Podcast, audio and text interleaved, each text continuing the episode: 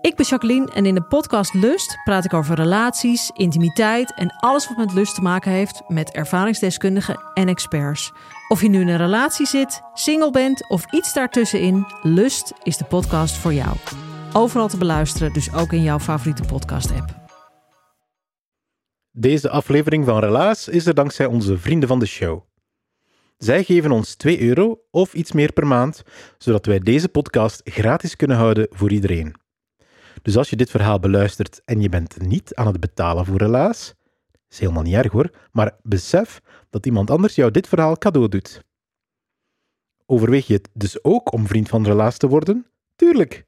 Je krijgt toegang tot extra verhalen, verhalen achter de schermen van Relaas en we nodigen je uit voor een exclusieve vertelavond alleen voor onze vrienden. Cathy, dat is een van onze nieuwe vrienden. Cathy, dank u wel. Ik ken alleen jouw voornaam, dus misschien ben jij wel Cathy Pieters uit de Vlaamse televisieserie Spoed. Wie zal het zeggen? Enfin.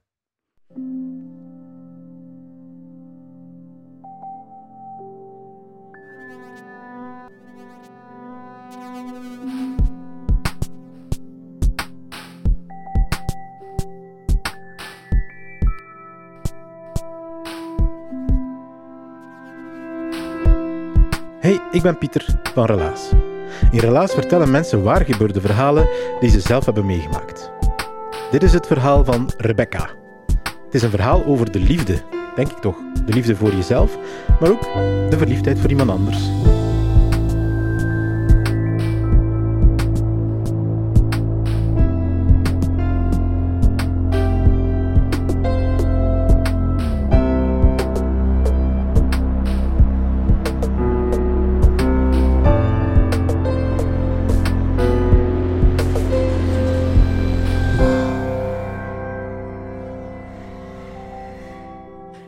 Ik neem jullie dus mee naar Frankrijk, meer bepaald naar Parijs.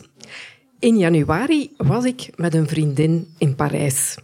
En dat is altijd leuk om met die vriendin op stap te zijn. Want sowieso, waar wij ook maar naartoe gaan, wij hebben altijd goed weer. En wat is er nu toffer dan op een januaridag in Parijs te zijn en een zon te hebben die straalt? En we lopen langs de grote boulevards van Parijs. We bezoeken een tentoonstelling in de Galleria. En we hebben het echt naar ons zin. En we denken, oh, in Centre Saint-Quatre, daar is ook nog wel iets super tof te doen. Maar we hebben wel al heel wat kilometers in onze benen en we denken, we gaan er toch de metro voor nemen. En mijn vriendin, die kent Parijs door en door, en zo er ook de metro. En ze vertelt mij, kom Rebecca, we pakken de metro en we zijn heel snel aan de andere kant van Parijs. We zitten in de metro en nog voordat ik mijn bankkaart ook maar heb kunnen bovenhalen, heeft zij die van haar al in een automaat gestoken.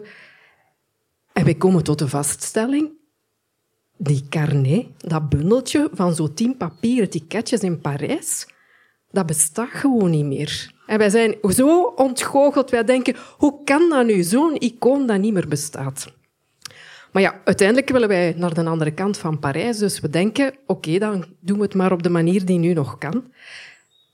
En de ticketjes rollen eruit. Maar daar stopt het niet.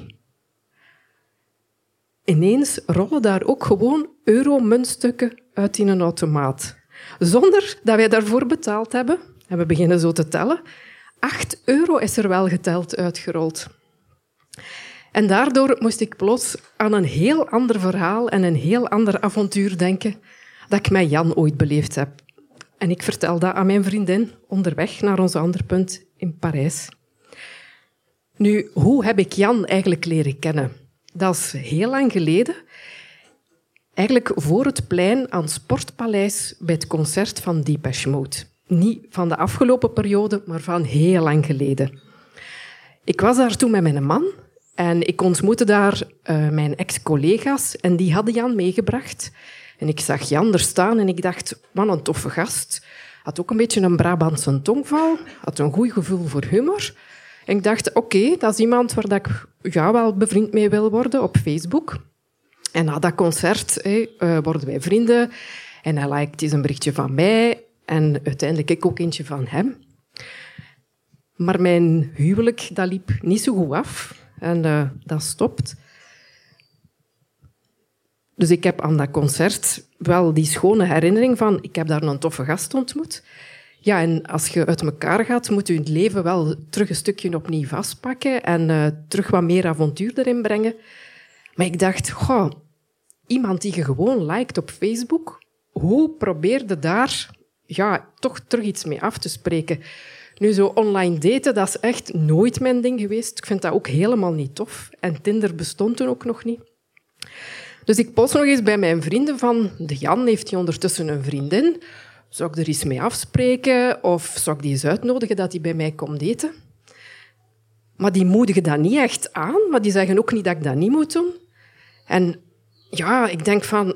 Goh, hoe, hoe krijg ik dat nu toch geregeld? Want ergens voel ik ik wil met Jan toch nog een keer afspreken. En dan op een avond, ik rij van mijn werk naar huis, redelijk laat, en ik luister naar Radio 1. En ik hoor dat ze tickets voor een concert van Brains in de AB weggeven. En ik denk, yes Rebecca, dit is het, hè. dit is uw kans. Want de Jan die woont in Brussel, als jij nu die tickets wint, dan kun jij hem meevragen, dan heb je het perfecte excuus om er terug contact mee op te nemen. Maar ik denk, ja, zo'n radiozender, zo s'avonds laat, je moet zien dat je ja, niet te snel inlegt. En ik laat dat 15 keer bellen, 16, 17, 18. En mijn stemmetje van binnen, dat begint toch wel al te denken van... Is dat wel juist? Moet ik toch niet inleggen? En een ander stemmetje zegt tegen mij... Nee, nee, nee. Je laat het nog een paar keer bellen. 19, 20, je kunt niet geloven hoe blij dat ik was als ik aan de andere kant van de lijn een stem hoorde. En ik heb mijn ticketten gewoon gewonnen. Ik voelde, yes, deze keer heb ik het juist gevoeld. Ik ken al mijn enthousiasme naar huis, ik zet mijn computer op en ik stuur naar de Jan een berichtje om te zeggen, we kunnen samen naar een concert. Maar die reactie was helaas niet wat ik had gehoopt. Ik had wat kalmer moeten aandoen. Um, ik kan niet zoveel geld uitgeven. Ja, en ik weet eigenlijk toch niet of dat wel zal lukken. Maar ik had zoiets van, ja, ik kan u komen halen. Die ticketjes zijn gratis. En te veel drinken kan ik toch niet, want uh, de dag nadien moet ik gaan werken en ik ben met een auto, dus te zot kunnen we het niet maken. Allee, uiteindelijk zegt hij, het is goed. We, gaan, uh, we, we zien elkaar voor het concert van Brains aan de AB. En ik vond dat eigenlijk echt wel spannend. Want ja, iemand die je zo lang niet meer gezien hebt en je ziet die dan terug, wat gaat dat doen? Ga ik er nog iets voor voelen? Doet dat, wat doet dat eigenlijk wel met mij? En uh, ik sta aan de AB en ik zie hem er staan en ik denk, wow, wat een knappe gast is dat. En ik denk van, goh, zou ik die straks durven kussen? Maar ik ben toch ook wel een klein beetje zenuwachtig. En uh, ja, allee, we gaan dan uiteindelijk gewoon uh, binnen. En ik denk ook wel van, is zijn je m'en fous gehalte dat mij toch zo wel een beetje aantrekt in hem. En uh, we gaan naar het voorprogramma in de zaal van de AB en we babbelen wat. En allee, het is eigenlijk wel gezellig, hè. we hebben een toffe klik. Maar uiteraard, zoals dat je hier een tijdje binnen zit, uh, in de AB wordt dat ook wel wat warm en we krijgen toch wel een beetje dorst. Nu, je weet dat misschien, in de AB heb je altijd zo van die heel lange rijen aan die waar dat je moet gaan wachten om uw jetons er te kunnen uithalen. En de Jan staat voor mij, steekt zijn bankkaart erin, tikt zijn code in en krijgt zijn jetonnetjes. Ik had al gezien dat hij niet zo'n hoog bedrag had afgehaald, want ik wist dat financieel niet zo simpel voor hem was. En oké, dan is aan mij. En ik steek mijn bankkaart erin. Maar nog voordat ik mijn code kon intikken, en nee, toen was het nog geen contactloos betalen, rollen daar mega veel drankjetons uit in een automaat. Niet te doen. En ik denk, huh? kan dat nu? Is dit toeval? Is dit meant to be? Um, en we hebben die geteld en dat waren er minstens tien, want dat is al een tijdje geleden. Hè. En um, ineens voel ik de Jan zijn uh, hand op mijn schouder en die zegt, ik vind u nu al een toffe. We genieten nog verder van het concert. En uh, ja, we babbelen en eigenlijk is het gezellig en we praten ook wat na. Oh, en ik denk, eigenlijk vind ik dat echt wel een super toffe gast. Maar ik krijg dat echt gewoon niet gezegd. Ik, ik krijg, het komt er gewoon niet uit. En de dag nadien moet ik uiteindelijk ook gaan werken. Dus ik denk, ja Jan, allee, het was tof, maar ik ga nu gewoon naar huis gaan. En op weg in mijn auto denk ik, het was een toffe avond, maar ik ben ergens ook wel kwaad dat ik dat gewoon niet durven zeggen heb. Dat ik hem echt wel leuk vind. Maar de tijd gaat voorbij. En um, ondertussen koop ik ook een huisje. En dat heb ik laten verbouwen met een hele toffe architecte. Maar omdat huren en ja, uw lening afbetalen, omdat dat niet echt lukte, ben ik eigenlijk een beetje noodgedwongen ook terug bij mijn moeder gaan wonen. Dat was zo, ja, op zo'n kleine kamer met niet zo heel veel privacy. Gelukkig duurde dat ook maar ongeveer zeven maanden. En dan uh, anderhalf jaar later, na dat eerste contact met de Jan, krijg ik plots van hem een telefoon. Ik denk, oei, dat heeft hij nu nog nooit niet gedaan, mij gebeld. Dus ik begin zo al te denken van, oh, oké, misschien is er, is er toch iets dat hij mij nog wil vertellen. En hij vraagt aan mij of dat ik mee wil gaan naar een concert op de Heizel van Attack. Maar ik denk ook van, goh, ga ik dat wel doen? En komt mij dat wel goed uit? En ik wimpel hem wat af. En ik leg mijn telefoon neer. Maar ik zat ook wel zo heel verveeld met die situatie. Allee, je woont dan zo terug thuis. Je kunt ook niet vertellen wat je wilt. Want mijn moeder die luistert dan gewoon mee. En oh, dat was echt een hele vervelende situatie. Maar uiteindelijk denk ik, wat heb ik te verliezen? Niks. Dus ik bel hem terug en ik zeg, wel Jan, het is goed, ik ga naar Den Heizel komen. Zo gezegd, zo gedaan. Ik kom aan Den Heizel en uh, blijkt Jan helemaal aan de andere kant van die concertzaal te staan. Maar ik ken mijn weg er helemaal niet. En hij heeft de ticketten. Ja, we proberen elkaar te bellen. Maar dat is bijna onmogelijk, want je kunt echt niet verstaan wat dat iemand uh, zegt. En uiteindelijk komt hij dan naar de ingang waar dat ik stond. En ik zie hem. En ik ben, ik ben langs de ene kant wel blij van, oké, we hebben elkaar gevonden. En ik kijk naar hem. En ik kijk in zijn ogen. De magie is weg. De klik is er gewoon niet meer. Mijn vriendin in Parijs die zegt... Geluk in het spel is ongeluk in de liefde. God, denk ik. Ja, zo geluk en ongeluk. Heb je dat niet alle twee een klein beetje nodig in je leven? Dat maakt het misschien ook gewoon een beetje tof en spannend. Maar langs de andere kant, als ik erover nadenk, ik heb best wel al wat dingen gewonnen in mijn leven. Uh, toen ik elf was, heb ik eigenlijk mijn uh, Lino-wedstrijd een uh, reis naar Ivoorkust gewonnen. En op mijn zeventien, toen was ik met mijn ouders uh, op de Gentse feesten en er was een wedstrijd van Studio Brussel. En een van de vragen die je er moest oplossen was de schiftingsvraag hoe lang gaan Bart Peters en Hugo Matthijs erover doen om duizend Belgische frank als straatmuzikanten op te halen? En toen voelde ik ook, Rebecca, Iedereen gaat denken, dat doen die binnen de paar minuten, maar dat is niet zo. Jij als zware leugenpaleis van, jij. Die mannen die gaan dat helemaal anders doen.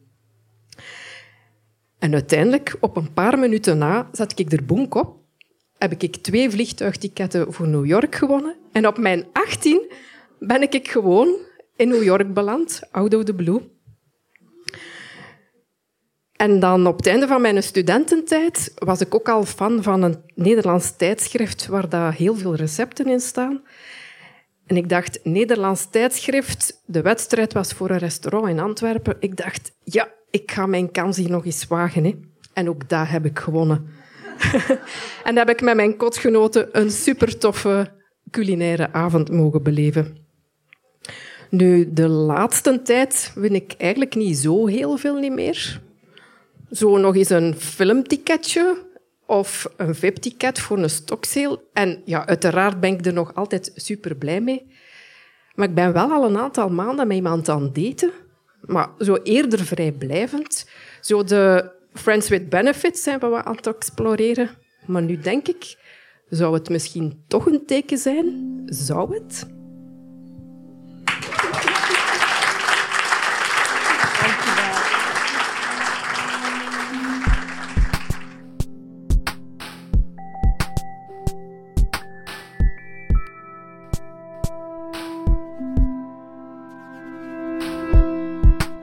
Dat was het relaas van Rebecca. Ze heeft het verteld in Hoogmis in Antwerpen. Rebecca is ook medewerker van Relaas in Antwerpen, dus het verhalen vertellen zit haar in de genen. Net zoals de liefde voor de kunst, blijkbaar. En de liefde voor de concertjes, muziekconcertjes in Antwerpen. Want dat vind ik altijd fantastisch. Mensen die graag naar concerten gaan. Zwat. Relaas is er dankzij de stad Gent. Zij helpen ons om onze vertelavonden te organiseren in Gent. Maar ook voor Brugge en Antwerpen zijn we nog op zoek naar structurele partners. Dus als jij daarvoor kan zorgen of kan helpen of je hebt een ongelooflijk goede tip, laat ons dan zeker iets weten. Wij dragen ook onze vrienden van de show op handen. Dat zijn de mensen die 2 euro of meer per maand geven om zo deze podcast gratis te houden voor iedereen. Merci vriendjes van de show. Het is voor jullie dat we dit doen.